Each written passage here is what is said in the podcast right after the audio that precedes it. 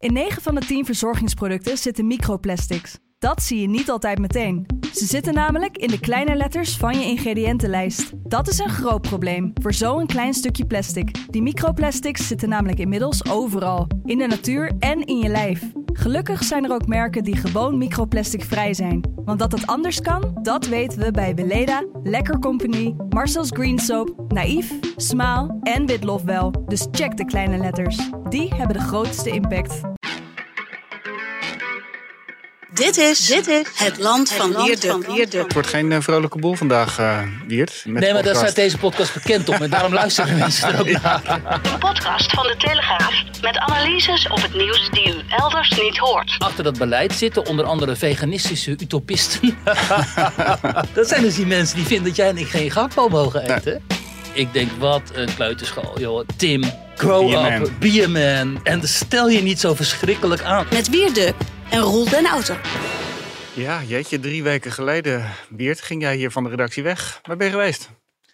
In uh, Botroom. Maar eerst, ik hoor dat jij gewoon een eigen hendel hebt hier met Roel den Auto. Dat is toch wel... eh, nee, die, eh, die, hij bestond al eerder. volgens mij. Oh, die het bestond muziekje al, eronder ja. bevat er wel. eh, niet- Leuk toch hè? Ja, goede Ik neem het trouwens even waar voor Robert Ophorst, want die heeft eh heugelijke familiale omstandigheden. Is hij er even niet? Eh, is die er even niet? Eh, ik doe het vandaag en volgens mij kan er al volgende week. Maar, ja, dat hoor ik ook. ja, maar jij bent in Bodrum geweest. Ja, we waren in eh, Turkije voor, tot ons grote genoegen met heerlijk weer en heerlijke sfeer ook. En ver weg van al dat gedoe hier in Nederland en al die opwinding en eh, allemaal vriendelijke mensen en zo. Ja. En, eh, waarlijk multicultureel ook daar. Dus ehm, Ik ben benieuwd, hè, want ik ben daar Ja. ook al geweest en daar waren er ontzettend veel Russen.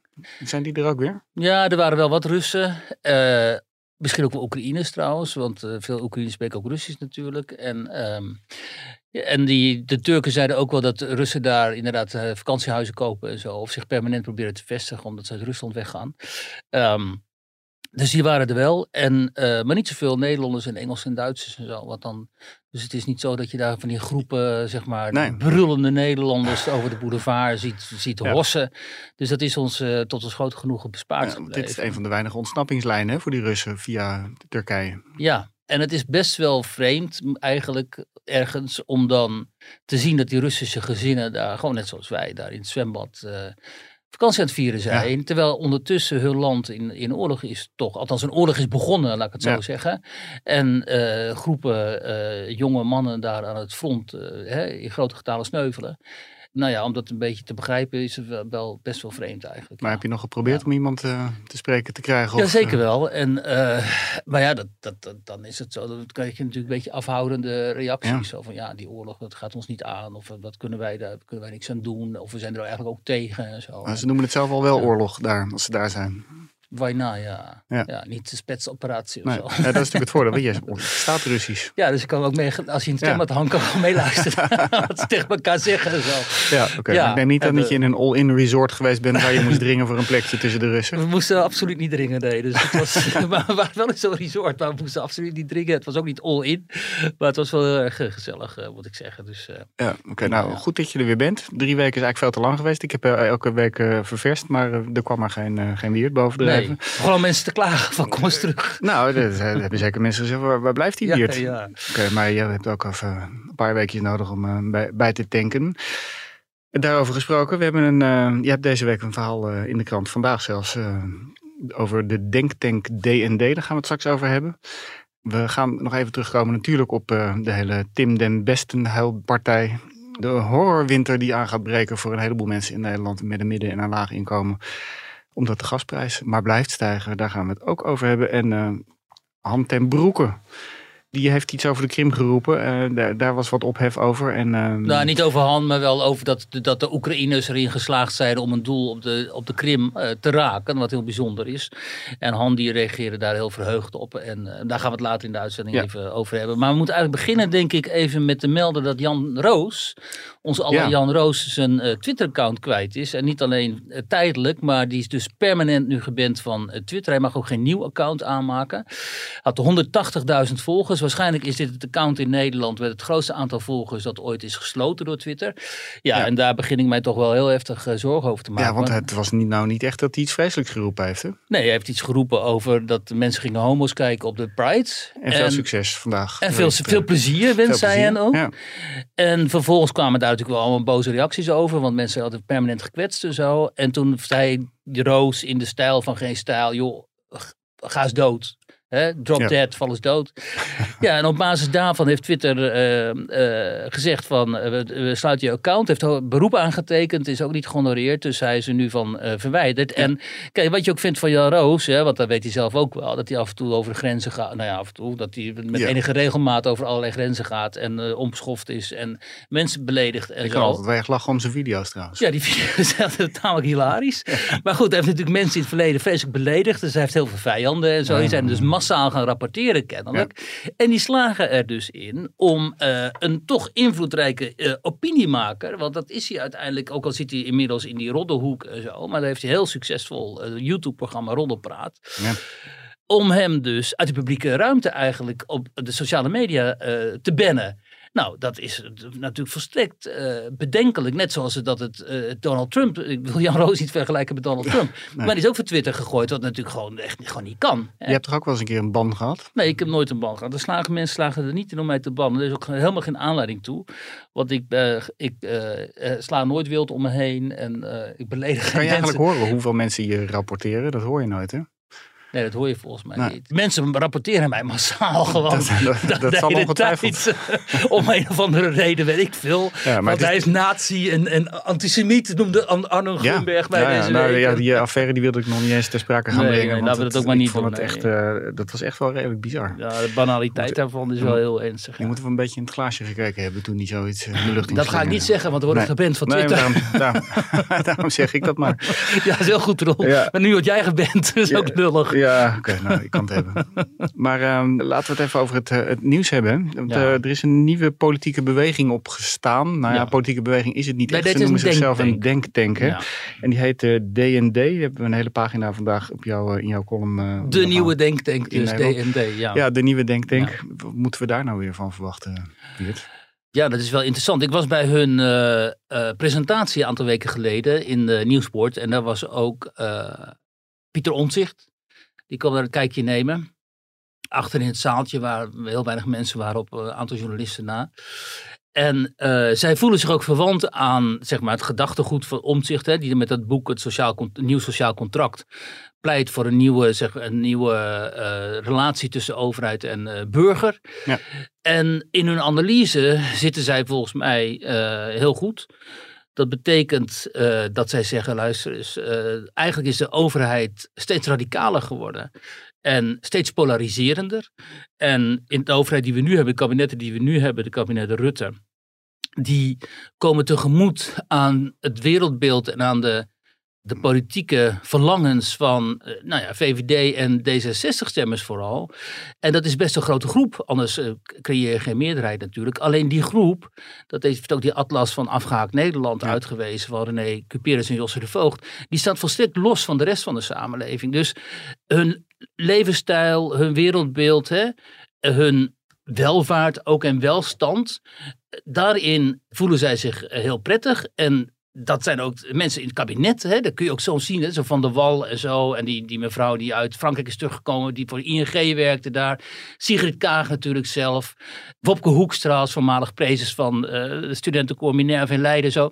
Dat zijn natuurlijk allemaal mensen uit de Nederlandse uh, elite. De, de ondernemerselite, de beleidselite, politi politieke elite. Welstandig, ook veel geld vaak. En die leven in een bubbel. Hè? En deze mensen van de nieuwe denktank noemen dat dan een tunnelvisie. En die projecteren die tunnelvisie en de, de, de, zeg maar de, de politieke aspiraties die daarbij horen op de rest van de samenleving. En dat zie je in het klimaatbeleid, in het stikstofbeleid, immigratiebeleid, in al die dossiers die totaal zijn vastgelopen inmiddels hebben zij geprobeerd om hun visie op de samenleving uh, door te zetten. Nou, dat stuit dus op een enorm protest bij een heel groot deel van de Nederlandse samenleving. Dat zie je met die omgekeerde vlaggenbeweging, hè, waarvan deze mensen proberen te te zeggen. Dat zie je ook met hun inrouten in de media, de Volkskrant, NSC en zo. Die, ze proberen die mensen die die omgekeerde vlaggen steunen, om die weg te zetten als eh, marginale wappies. En ze vergeten dat dit een hele grote groep in de Nederlandse samenleving is. Dat, dat wijzen die onderzoeken ook uit. Die dat steunen die dat protest steunen, omdat die zeggen: luister, dus jullie formuleren hier beleid en jullie maken beleid voor je eigen groep, maar niet voor Nederland. En deze mensen van de Nieuwe Denktank nu, die komen eigenlijk uit die middenpartijen. Hè, dus uh, uit CDA, maar ook uit. Uh, uit CDA, de VVD, geloof ik ook. Hè? Partij van de Arbeid, nou VVD niet zozeer, maar Partij van de Arbeid ook. En die zeggen, uh, luister eens, dit kan zo niet langer. Het midden is geïmplodeerd. Die middenpartijen moeten weer terug naar dat midden. Ze moeten ook luisteren naar wat hun uh, oorspronkelijke achterban is, want ze lopen nu helemaal leeg.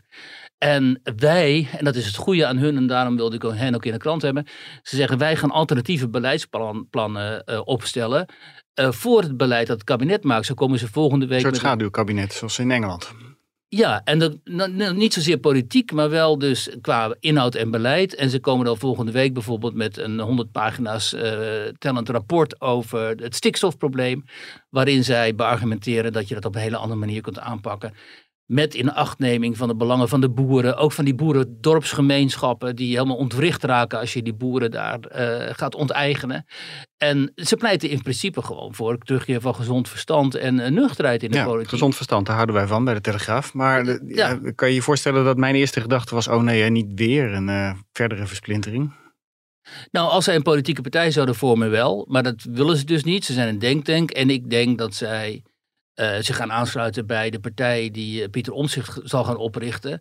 Uh, als hij die gaat oprichten, wat ja. zo langzamerhand eigenlijk onontkoombaar is. Omdat in de peilingen zie je dat als Omtzigt zelf gaat meedoen met de lijst Omtzigt, dat hij gewoon de grootste partij zal worden. Ja. En dan kan hij eigenlijk niet die verantwoordelijkheid blijven ontlopen. Ik vind het ook heel merkwaardig dat hij nog steeds zich daarover niet uitgesproken heeft. Want nu gaat Caroline van der Plas, die vult dus dat gat, wat ook prima is op zichzelf. Want die proteststem die moet een, een, een, een partij vinden. Maar het zou natuurlijk veel beter zijn als omzicht na alles wat er gebeurd is zou zeggen: oké, hier is mijn partij, dit zijn mijn, mijn medestanders, dit zijn mijn uh, kandidaten. Omdat dit soort mensen, zoals die van de Nieuwe Denktank, zich daarbij uh, kunnen aansluiten. Dus, uh, eventueel als inhoudelijk, als intellectueel of als potentieel Kamerlid en zo. En dan heb je gewoon goede mensen, intelligente mensen, die, zich, die bereid zijn politieke verantwoordelijkheid te nemen om de totale chaos, want dan moeten we constateren waar Nederland onder dit kabinet Rutte, in, Rutte Kaag in ja. verzeild is geraakt, om daar iets aan te gaan doen. Want wat er nu gebeurt, is natuurlijk ongekend. Het is echt ongelooflijk dat op tal van dossiers de overheid volstrekt is vastgelopen. Gaan we het nog over hebben. Asiel, ja, klimaat en zo.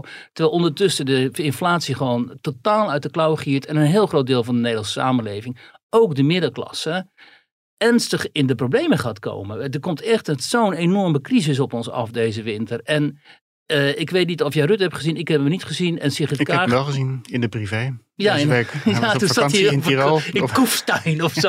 en, stond, ja. ja, en toen schreef hij privé schreef met zijn Finse minares. en het was als een Nokia. Ja, ja, dus ik aanklikken, weet je. Oh, interessant en zo. als een Nokia. ja, nou oké, we lachen door. Maar die man moet ik ook even een paar weken vrij hebben. Maar er, er zou wel een betere vertegenwoordiging achtergebleven Dan zou er toch een zaakwaarnemer moeten zijn. En Sigrid Kaag, die notabene minister van Financiën is. Doodstil is het nu. Die tweet alleen over allerlei alle irrelevante kanten. Dingen. Het is, het is werkelijk ongekend. Echt ongekend. Ja, maar ja, gaat deze beweging, die DND, gaat die er uh, ertoe doen, denk jij? Nou, er kan alleen in Nederland echte verandering komen um, als inderdaad uh, Omtzigt en Van der Plas een tegenbeweging zouden gaan vormen. En die niet alleen de proteststemmers, maar ook al die middenklassers, zeg maar, die nu niet meer weten op wie ze moeten stemmen. Dus al die mensen uit het midden die het CDA hebben verlaten, die de VVD gaan verlaten, die de Partij van de Arbeid hebben verlaten.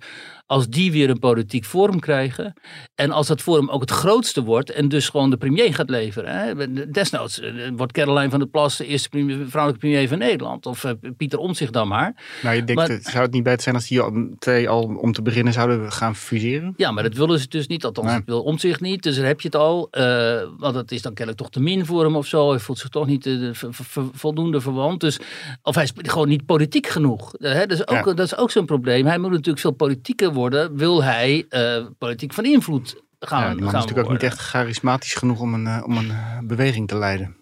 Uh, nou, dat, dat, dat, dat weet ik niet, want er zijn wel meer mensen uh, politiek belangrijk geworden, ook in andere landen, die Iemand als Angela Merkel bijvoorbeeld had natuurlijk geen enkel charisma. Maar ze werd op een gegeven moment wel gefeteerd als de leider van de vrije wereld. Ja. Nou, we hebben natuurlijk ook Balkenende gehad. En we hebben Balkenende gehad. En dat, dat Merkel zo gefeteerd wordt, werd, vond ik ook flauwekul trouwens. Maar kijk nou naar Duitsland. Daar heb je Olaf Scholz als, als podcastelier in deze tijden. Ik bedoel, een grotere ambtenaar gewoon met totaal nul charisma. Die moet nog gevonden worden. Misschien en is het eigenlijk ook, eigenlijk ook wel beter uh, om een heel saai iemand te nee, hebben. nee, dat, nee, dat vind ik helemaal niet. Nee, nee je moet uh, gewoon hele duidelijke, krachtdadige uh, politieke leiders hebben met visie. Helemaal in deze tijd.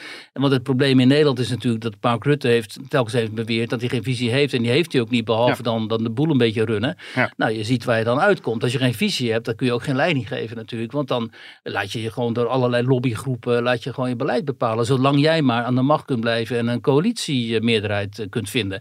Dus dit, dat is allemaal heel erg fout. Maar aangezien dat niet gaat gebeuren, dat scenario wat ik eerder schetste, zal het er wel neerkomen dat die politiek nog meer gefragmenteerd gaat raken, of gefragmentariseerd, ik weet niet hoe je het zegt. En dat er dus, dan krijg je dus de boerenbeweging met twaalf zetels, om zich met elf zetels ja. of zo. Nou ja, dat is natuurlijk een verschrikking. Want het ja, is nu al geen peilingen van zaterdag, als je die, die ging zitten optellen op zondag, dan uh, kwam je ook nergens. Kom je nergens uit. Blijft toch de VVD de grootste. Gaat maar Rutte weg. Nou, wie, wie halen ze dan binnen? Edith Schippers of zo, weet je wel. Dus, um, ja, Sofie Hermans was gisteren in hè, op een soort van uh, uh, verzoeningsbezoek bij allerlei boeren. Daar hebben we vanmorgen een stuk, klein stukje van in de krant. Maar, ja, ja. die zit daar, die hoort die boze boeren aan en die zegt, ja, ik neem het mee naar Den Haag. Ja. Gebeurt niks mee, maar daar nee. kunnen we het wel over gaan hebben trouwens, want dat is een heel belangrijk. Um, uh, kijk, concluderend dat um, het helaas wel, misschien afhankelijk van de provinciale statenverkiezingen volgend jaar in maart. Hè, wat daaruit komt is natuurlijk van groot belang wel. Als daar de VVD wordt weggevaagd uh, en die andere gevestigde partijen, ja, dan is het toch, de politieke vacuüm wordt alleen maar groter.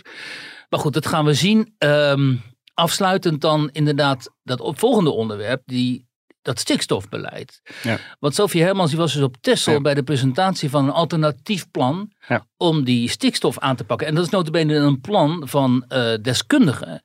Die zijn voortgekomen uit uh, D66, D66 hè, waaronder die Lindeboom, die al eerder bij ons in de krant heeft gestaan. En die ook prominent uh, zijn zegje heeft kunnen doen, meen ik. Althans in ieder geval door Marianne Zwageman, onze columnist, is gepromoot in haar podcast. ja, zeker. En het interessante daaraan is dat die Lindeboom aanzat destijds toen uh, dat stikstofprogramma werd geschreven. Hè? En dat was in de tijd dat Tjeerd de Groot, de Tweede Kamerlid voor D66, vond dat de Nederlandse veestapel met de helft moet worden gereduceerd. Ja. En dat vond hij destijds al merkwaardig. Hij vond de, de argumentatie vond hij wetenschappelijk heel slecht onderbouwd. Nou, hij is wetenschapper. En zij zijn, hij en nog iemand, andere wetenschappers zijn nu gekomen met een alternatief plan. Waarin ze zeggen die stikstofreductie, die kun je net zo goed bereiken met andere technologieën, met aangepaste technologieën, met innovatie. En dan hoeft er niet één dier eigenlijk de, in, uit die veestapel te worden uh, gereduceerd. Ja. Nou, dat is natuurlijk uh, enorm grappig ook wel, omdat je kunt dus gewoon die, die, die, die, die waarden halen als je het op een andere manier aanpakt. Maar nu vind ik het interessante en ook wat naïeve van deze mensen, dat zij denken dat het dus echt gaat om het terugdringen van stikstofreductie. Ja. Van stikstof. Uiteindelijk gaat het daar natuurlijk niet om. Het gaat om het leegtrekken van weilanden. Dat heeft Mark Rutte zelf gezegd. Dat zegt Lindeboom ook wel ergens overigens in zijn commentaar. Dat hij erachter is gekomen dat er toch wel hele radicale ideologische uh, ideologen achter dat beleid zitten. Onder andere veganistische utopisten. maar goed, dat zijn dus die mensen. Ja, van je moet het ook niet onderschatten. Het bestaat, hè. Ja, dat zijn ja. dus die mensen die vinden dat jij en ik geen, geen gehaktbal mogen eten. Nee. En die vinden dat die hele veeteelt, zo melkveehouderij... Ja, dat vinden ze ja, maar het verhaal horror. dat, uh, dat alle weides moeten worden ingewisseld voor, voor woningbouwlocaties, dat, dat gaat er bij mij ook niet, niet echt in hoor. Kijk, ik denk zo langzamerhand, want ik heb me toch ook wel met dit dossier bezig gehouden, dat er inderdaad heel veel ideologie achter zit Ja. van mensen die vinden die boeren dus allemaal achterlijkheid. Dat, eh, dat vlees, dat moeten we helemaal niet eten. Die zuivel, wie drinkt nou melk uit een koe en zo, dat slaat ook nergens op. Dat vinden zij. Ja, die moeten allemaal... afschuwelijke campagne die, uh, op, uh, van Wakker Dier op radio en Ja. tv, van die uitgemergelde koeien. Nou, Dat je je schuldig moet gaan voelen dat je melk en uh, yoghurt nou, dat dus. Als, alsof elke boer... Dat vind ik echt wel stuitend. Ja, ja, of- alsof elke boer oude soort Ja, een soort moordenaar, is, ja, eh, een soort ja, martelaar van eh, Ja, koeien. Ja. het is echt, eh, ik vind het echt, eh, echt te ver gaan. Kijk, laat duidelijk zijn, jij en ik vinden natuurlijk ook die eh, industriële veeteelt en zo eh, eh, ook, ja, dat is ook, dat is ook verschrikkelijk En natuurlijk. dat ze daar nog steeds vergunningen voor hebben gekregen de afgelopen jaren, dat is natuurlijk best wel raar. Dus die grote stallen, dat, dat moet natuurlijk allemaal weg. Maar je moet niet gewoon een gemiddelde boer met, vijf, weet ik veel, eh, 100 koeien of zo willen verwijderen uit het, uit het culturele landschap. Want daar komt het op neer. Maar dat willen deze mensen wel. Omdat zij vinden, gewoon vanuit ideologische overwegingen, dat wij gewoon moeten, eigenlijk willen ze verbieden hè, vlees eten en melk drinken en Ja. zo. Ja, maar dat, die verhalen hoor ik wel, maar dan, eh, je ziet de cijfers en er zijn 700.000 mensen die vegetariër zijn in Nederland. Dus dat is echt een absurd kleine minderheid. Ja, maar Roel, hoeveel mensen in Nederland denk je staan achter het beleid dat dit kabinet voert? Hoeveel mensen in Nederland denk je willen eh onverkwikkelijke, voor hun onverkwikkelijke stemmen verwijderen van sociale media? Hoeveel mensen in Nederland willen dat die boeren allemaal onteigend worden? Dat zijn hele kleine aantallen. Dat is nooit een, een meerderheid. Ja. Alleen die minderheid die dit allemaal voor ons bepaalt, die heeft het voor het zeggen. Dat is die politieke en beleidselite. En die hebben overal hun lobby's, die hebben overal hun tentakels. Als die Barbara Baarsma van de Rabobank komt vertellen bij op één. Ja. Van joh, eh, ik ben rijk, jij bent arm. Weet je wat, geef mij jouw In de CO2-punten, kan ik lekker vliegen in, de een groot huis. Ja. Dat betekent dat iedereen een persoonlijke hoeveelheid uitstootrechten heeft. En die uitstootrechten, daarvan zal het deel dat heel zuinig is met energie... of dat bijvoorbeeld in een kleiner huis leeft... of minder vliegvakanties maakt of dat soort dingen... die zullen uitstootrechten over hebben. En het idee was, en zo zijn we erop gekomen... is dat die huishoudens het overschot aan rechten kunnen verkopen... Aan, aan mensen die wat tekort Ja, ik- hebben. Maar het is toch niet voor niks? Ik bedoel, dat, dat durft zij gewoon ja. op de nationale televisie dit- te zeggen zonder ja, schaamte. oké, maar als je dit zegt, dan word je ook al snel in een soort van de complotwereld. eh, dan, dan word je zelf ook weer in de complotwereld geduwd. Hè, als je zegt dat er een kleine elite is die. eh, Nou, dat, is dat, dat mogen mensen zeggen. Maar, ga maar eh, kijk maar even naar de, de onderzoeken waarin wordt gevraagd hoeveel Nederlanders de, de boeren steunen bijvoorbeeld. Ja. Nou, dat is iets van 70% of zo. Dus dan eh, kun je moeilijk zeggen dat dat een kleine minderheid is. Terwijl dat hele beleid wat nu geformuleerd wordt gewoon anti-boer is. Dat, dat, dat is duidelijk. En, en ik zie ook mensen die er juichend achter staan. En wie staan er juichend achter? Columnisten. Hè, Wouke van Scherrenburg die doet niks anders dan die boeren gewoon naar de hel verwensen. Of Shaila Ja. Sital zingen, zo noem op. Al die, en die, dat zijn, die hebben allemaal posities in de media, in de politiek, ook in het bedrijfsleven, in de vakbonden, in de eh, ambtenarij. Net wees iemand van de boerenclub, de BBB, die wees op Twitter op een ambtenaar notabene van het ministerie. Die zwaar eh, ideologisch gekleurde tweets zat te retweeten en zo. Over, tegen de boeren dus. Hè. En dan denk je, dat is toch raar, dat is een ambtenaar. Die Ja. zou neutraal moeten zijn. Nou, helemaal niet. Die, eh, gewoon, die gaat er vol in. Maar- Met gestrekt been hoor. Schamen, ze schamen zich er ook niet meer Nee, voor. nee, nee. Weet je? maar gelukkig hebben we als tegengeluid Wierduk. Het land zijn, van eh, Wierduk. In het land van Wierduk. en er is nog veel meer ellende. Want eh, Ja, hou op. in, eh, ja, hou op. Welk We dossier wil je kiezen? Welke, nou, we hadden vandaag natuurlijk de opening van de Telegraaf als zuchten onder hoge rekening. Er was weer een, een baas van een elektriciteitsbedrijf die zei dat de ellende heel erg groot gaat worden de- deze zomer. Deze zomer al of deze Eh, winter? sorry, deze winter ja. ja. Eh, Deze zomer nog niet. Nee. Nee. Nou ja, deze zomer wordt, gaat de paniek natuurlijk al toeslaan. Want eh, mensen gaan allemaal eh, oversluitnota's krijgen. Van, Ja. eh, van de, ik weet niet of jij al een oversluit eh, Ja, oh, hebt moeten en ook wel oversluiten. 100 euro duurder uit of zo. 100, Ja. ja. Ja, Nee, ik heb hem nog niet gehad. 120. Het gaat bij mij in oktober gebeuren. Maar eh, er zijn hier een paar collega's die hebben zelfs voor drie jaar een contract afgesloten. Onnozel als ze waren vorig jaar. En Die, eh, maar die zijn dus nu eh, die zijn spekkoper nu. Maar ik Ja. vrees dat wij dat moeten gaan betalen dan voor hun.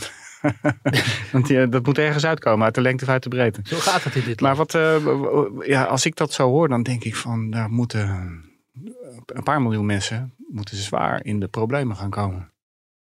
Ja, er zitten nu natuurlijk al mensen in de problemen. En eh, ik heb ook al wel in, in die rubriek van mij in de krant een aantal van die mensen aan het woord gelaten de afgelopen maanden en zo. Maar nu gaat het dus ook de middenklasse raken. Ja. En eh, hè, ik las bij ons in de krant van eh 1 à 3 miljoen huishoudens of zo die in de problemen 2,5, gaan. ja. Ja. Nou, als je dan de hypotheek niet meer kunt betalen. En je kunt de levensmiddelen niet meer betalen. Want eh, als ik naar de Albert Heijn ga bij ons, dan betaal ik ook inmiddels 20% meer dan, eh, Ja. dan een paar maanden Behalve voor de bananen. Ja, Ja, merkwaardige wijze. Ik weet niet ja en, de, en de schoonmaakmiddelen. zo. ja.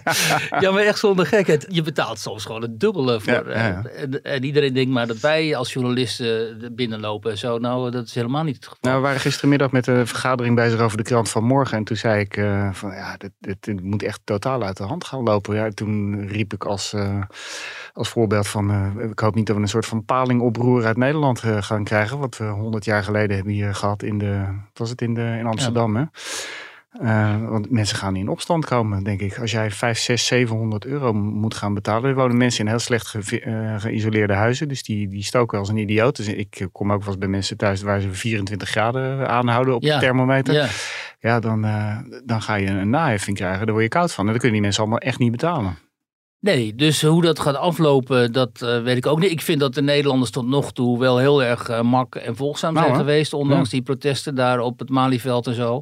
Kijk, in Frankrijk en eh, andere mediterrane landen en zo, dan gaan mensen natuurlijk gewoon massaal de straat op Ja. bij dit soort. hè. En in, in Duitsland dan gaan stemmen ze partijen weg. Maar in Nederland stemmen ze uiteindelijk allemaal toch weer op Mark Rutte. En, eh, ehm, en kijk, dat is misschien nog niet eens het erge. Weet je, het, het- ik- we moeten hier natuurlijk ook niet gaan pleiten voor volksopstanden en zo. Zeker niet, Nee. juist niet. Dat moet juist worden voorkomen. Maar om dat te voorkomen, zou je verwachten dat het kabinet de urgentie voelt. En ook de empathie heeft. En om, om te begrijpen wat dit doet met mensen. Want niks is zo erg als eh, financieel in de knel komen. Hè? Ja. Dat zijn echt, dus heeft ook eh, psychologisch onderzoek wijst het uit, als mensen eh, langere tijd financieel in de knel komen, dan vreet dat zo ontstellend aan hun welzijn. Hè? En, psychologisch ook, het doet zoveel met mensen. Het doet ook zoveel met kinderen die in armoede opgroeien en zo. Dus als jij wilt voorkomen dat een groot deel van de Nederlanders een armoedeval gaan maken, wat inderdaad ook nog eens een keer het risico met zich meebrengt dat ze massaal eh, in opstand gaan komen, dan zul je toch als kabinet iets moeten doen. Dan zul je toch net iets als in andere landen moeten zeggen: oké, we zoals in Frankrijk, we in- voeren een, een prijsplafond voor energie in. Ja. Of eh, we gaan eh, hè, veel van die energiebelastingen naar beneden gooien of BTW naar beneden gooien. Omdat jullie zijn onze kiezers. Wij zijn in dienst, wij staan in dienst van jullie. Maar ja, als je alleen maar in dienst staat van die VVD en D66-kiezers die grotendeels in grote welstand leven buiten en, en totaal niet de ernst van deze crisis eh, voelen en ook niet het niet voelen in hun portemonnee als zij 300, 400 euro per maand meer moeten gaan betalen aan energie.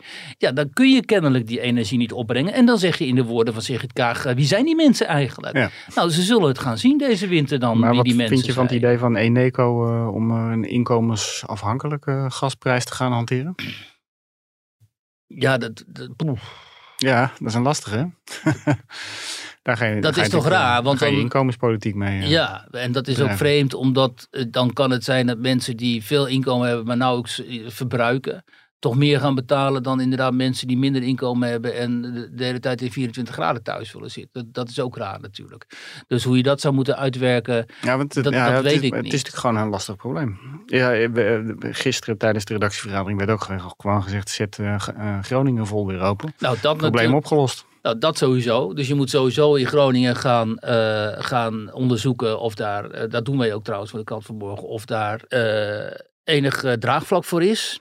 Maar dan zeggen ze daar weer van ja luister dus die energieprijs die hangt niet voor ons af. Die hangt vast aan de belastingen en de... Ja, maar het is, het is ons gas, dus wij kunnen zelf als regering kan zelf besluiten: we gaan het voor 50 cent per kuub aan de Nederlanders geven. Lijkt mij wel ja. Ja. En, maar dan heb je dus een regering nodig die en visie heeft en betrokkenheid voelt bij een groot deel van de Nederlandse bevolking, waar ze nu geen enkele betrokkenheid bij Ja. voelen.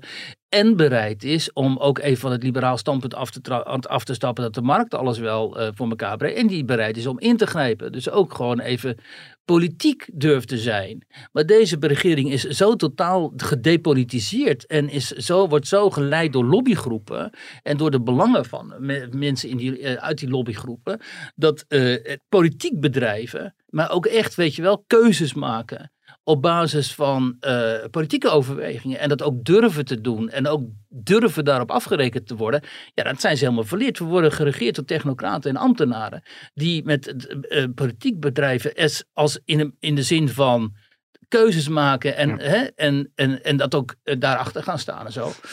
Gebaseerd op eh, politieke overwegingen ook, die daar helemaal geen, eh geen feeling meer mee hebben. Dat zie je aan het stikstof. Want nu gaan mensen zeggen, ja, maar ze hebben toch een eh, keuze gemaakt in het stikstofbeleid. Ja, het stikstofbeleid is gebaseerd op een model. Ja. Hè, op modellen die, die niet eens eh, wortels hebben in de werkelijkheid, notabene. Blijkt nu, staat ook in het stuk Ja. bij ons in de krant. Hè? Ja. Een model met 95% mogelijke foutieve eh, uitkomst.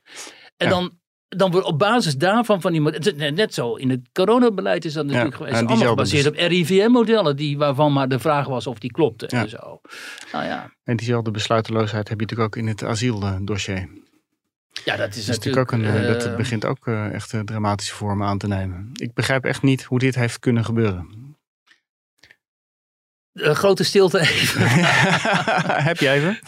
Als je leest ook bij ons in de krant de aantallen Ja. van mensen die binnenkomen. De landen waar vandaan ze komen. Ja. Syrië, Afghanistan, Pakistan ook. Want Maar ik zei gisteren tegen Kamran uh, Oela, onze adjunct hoofdredacteur. Ik zei van, mensen uit Pakistan, eh, is daar oorlog dan? Eh, nee.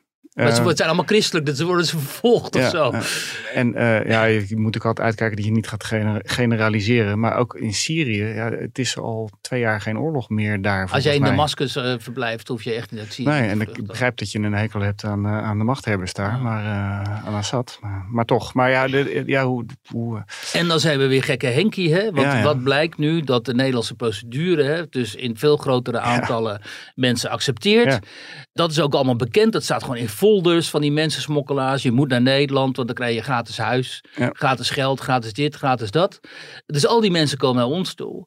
En dan zegt vervolgens iemand van IND, meen ik, hè, die heeft, zegt dan van ja, moet die procedure maar versoepelen. Want ja, kan, ja, de baas. Ja, Ja, de baas. even, eventjes lekker versoepelen, want eh, dan kunnen we eh, eh, vaart maken met... eh Dus we hebben te maken met een verantwoordelijk polit- politicus, Erik van den Burg, die ooit heeft gezegd van prima al die nieuwkomen, eh, asielzoekers, laat ze maar naar Amsterdam komen, verrijking voor de stad en zo.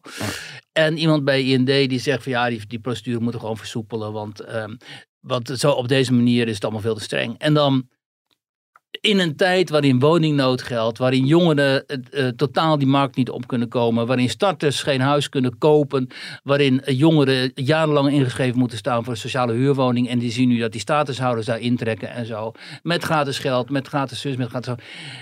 Wat jij zegt, de verbijstering eh, die je net eh uitte, Ja. en, eh, die geldt natuurlijk net zo voor mij.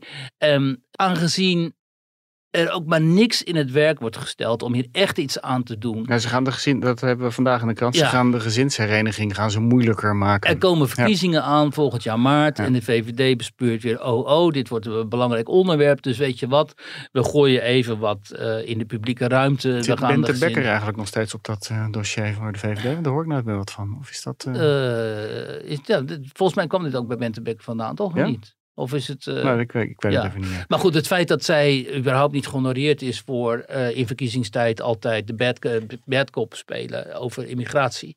Maar dat Erik van den Burg die positie heeft gekregen, ja, Ja. dat zegt natuurlijk voldoende. Hè, dat, dat, dat, dat, dat maakt ook duidelijk dat eigenlijk D66 hier regeert. En dat Mark Rutte eh, zoveel water in de wijn heeft gedaan om maar de langzittende premier te kunnen worden. En dat we eigenlijk gewoon te maken hebben. Dat zeggen die mensen van de Nieuwe Denktank ook. Ja, al die partijen, al die regeringspartijen is gewoon allemaal eh, D66. Eén op één. Dus we zitten met een D66-beleid op al deze belangrijke dossiers.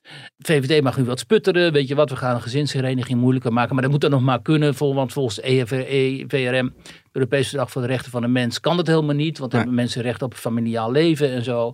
Dus dat gaat ook weer verdwijnen. Eh, eh, Dat, dat, daar Ja, komt ook weer niks uit. Maar alle overeenkomsten kun je altijd opzeggen. Dat roep ik ook altijd. Ja. Maar de, eh, daar moet je de politieke wil voor hebben.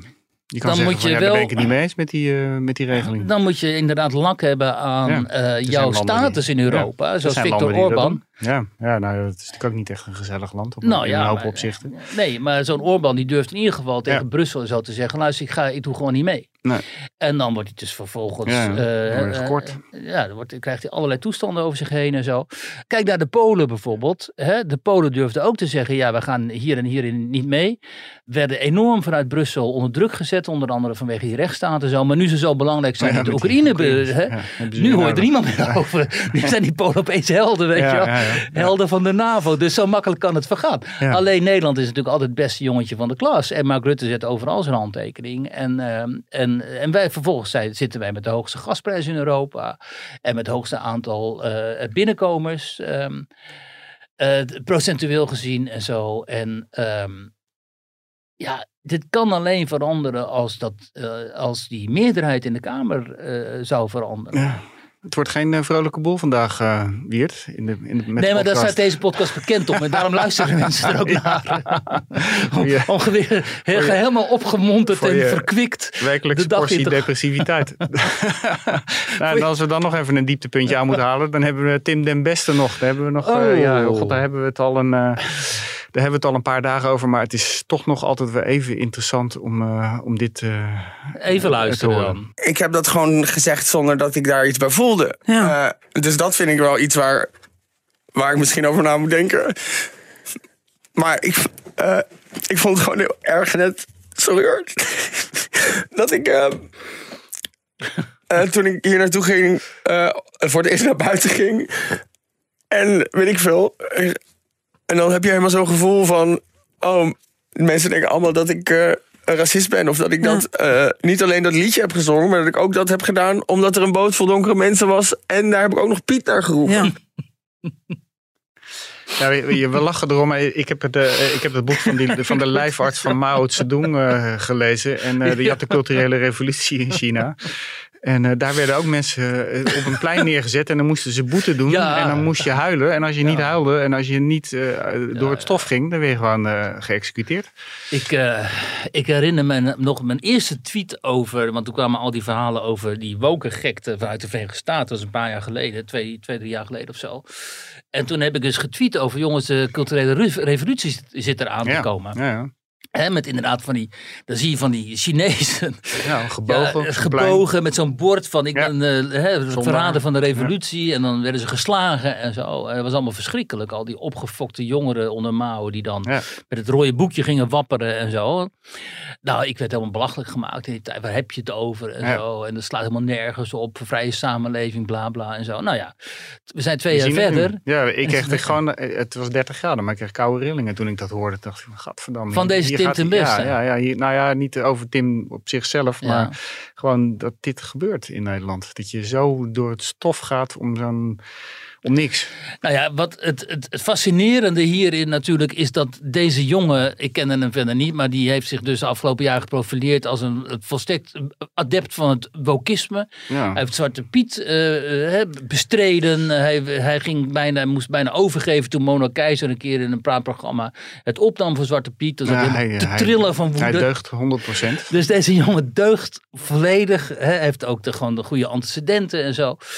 En dan, en dan één misstap.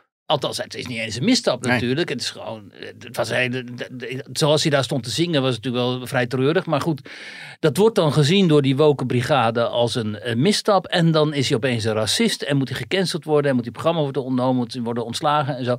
En zit hij vervolgens uit te huilen bij de hoge priesteres van het wokisme op Radio 1. Nou, dat is eh, oh, eh, mevrouw Gibbs. Gibbs. Ja, Natasha Gibbs. Natasha Gibbs, die ook niet tegen hem zegt, joh, doe even normaal. Nee, nee, nee Wat ze, zat het ze zat het alleen te voeren. Ze zat het alleen maar te voeden. Van, ik doe ook wel eens iets doms Ja, en ik zo. doe ook wel En- iets doms. en, en, kijk, en kijk, jij krijgt grauwe rillingen. Ik denk, wat een kleuterschool, joh. Dat je daar echt iemand hebt, een radiopresentatrice, die niet even, die, die gewoon niet zegt van, joh, Tim, wees, grow Be up, man. be a man, heb een ruggengraat. En, en stel je niet zo verschrikkelijk aan. Maar nee hoor, ze zat alleen maar te voeden.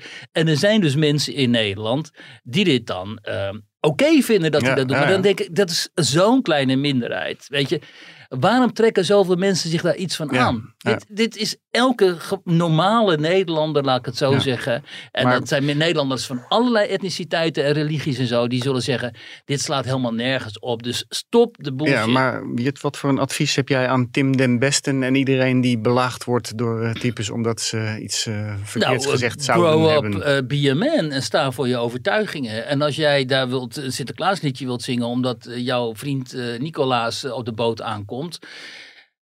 ja, ik zou het niet doen omdat ik het nogal kinderachtig vind. Maar goed, als je dat dan wilt doen, dan moet je dat vooral doen. En als je daar dan bestookt wordt door allerlei idioten, dan moet je zeggen: jongens, hè, ik heb wel wat beters te doen dan op jullie te reageren. Ja. Maar als je echt, kijk, als het echt lastig en smaad wordt, hè, zoals die Grunberg die mij dan antisemiet gaat noemen en zo, ja, dan moet je overwegen of je niet eens een keer aangifte moet gaan doen. Maar dat, eh, Dat is een ander verhaal. dat is een heel ander verhaal. En daar eh, gaan we het vast later nog eens een keer over hebben als die aangifte er ook echt eh, ligt. Precies.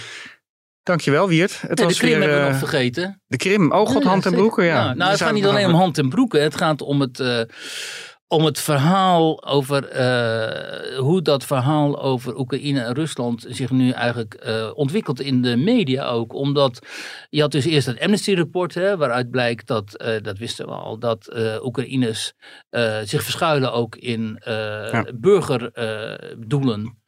Althans, in, in, in gebouwen waar zich burgers bevinden. En eh, dat mag niet volgens oorlogsrechten. Daar heeft Amnesty op gewezen. Ook krijgen ze enorm veel shit over zich heen. Want eh, Amnesty mag niet ook de Oekraïners kennelijk beschuldigen van eh, schendingen van het oorlogsrecht. En nu heeft Oekraïne is erin geslaagd om een doel, een, een basis op de Krim eh, te raken. Wat uitzonderlijk is, omdat ze normaal gesproken dat soort eh, wapentuig niet hebben.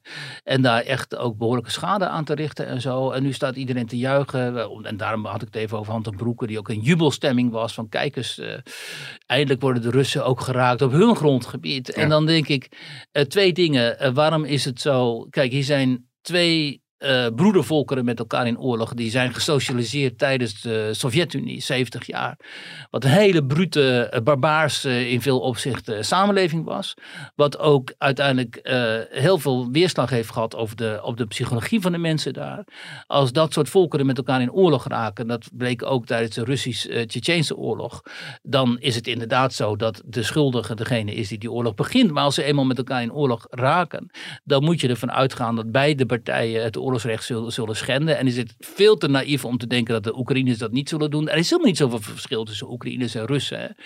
Ehm, dus het is heel naïef om te denken dat de Oekraïners daar wel van eh gevrijwaard zullen blijven. Dus dat betekent dat wij gewoon die mensen die dat dan wel denken, hè, dat Oekraïne een soort model, de democratische modelstaat is. En dat zij zich wel zullen houden aan het oorlogsrecht. Ja, die zijn gewoon onwetend en naïef.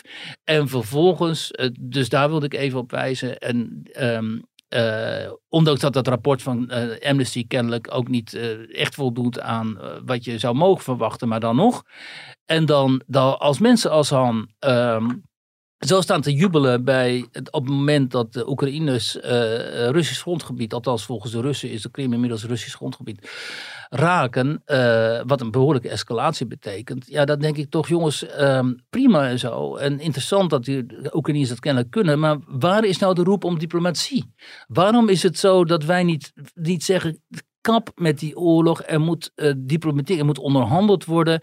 Ja, we moeten ook in ogenschouw nemen eh, wat daar in de afgelopen tien jaar in die gebieden is gebeurd. We moeten Poetin dwingen om naar de onderhandelingstafel te komen en Zelensky net zo goed. En uit, ik bedoel, dat is toch een volwassen manier van omgaan met zo'n oorlog. Ja. We moeten er op een diplomatieke manier zo uit zullen komen. Wat zal betekenen dat inderdaad waarschijnlijk de Krim eh, bij Rusland blijft en dat die Donbass misschien een soort autonoom gebied wordt en zo. Daar zal het op uitlopen. Wat willen we nou? We zitten inmiddels geloof ik op 80.000, zegt men, eh, dode Russische eh, jongens, mannen. En misschien wel, eh, en het schijnt dat een heel groot deel van het eerste leger zeg maar, van Oekraïne is, is vernietigd. Ja. Wat wil je dan? Nog meer honderdduizenden doden of zo? Omdat het, omdat het ons goed uitkomt dat we met een verzwakt Rusland hebben te maken. Ik, ik snap dat niet en ik vind ook dat wij hier in het Westen veel meer op afstand moeten gaan staan en moeten zeggen van eh, oké, we steunen Oekraïne, want het is een aanvalsoorlog door Rusland. Maar we moeten ook alles op alles zetten dat er wapenstilstand komt en dat er gepraat gaat worden. Dat is wat volwassen mensen volgens mij doen. En wat ze zelfs in het verleden deden ook, hè, in barbaarsere tijden. Dus waarom zouden we dat nu in deze volgens ons zo beschaafde tijd niet kunnen en niet doen? Zo eindigt eh, elke oorlog. Uiteindelijk. Uiteindelijk. Maar Precies. soms duurt dat gewoon veel te lang. Maar dat is dan in ieder geval nog een eh, positieve afsluiting van deze podcast. eh. Een positieve oproep. ja, een positieve oproep. Zo is het. Dankjewel. En eh, tot eh, volgende week dan met Cameron. Dank je, Roel. Jo.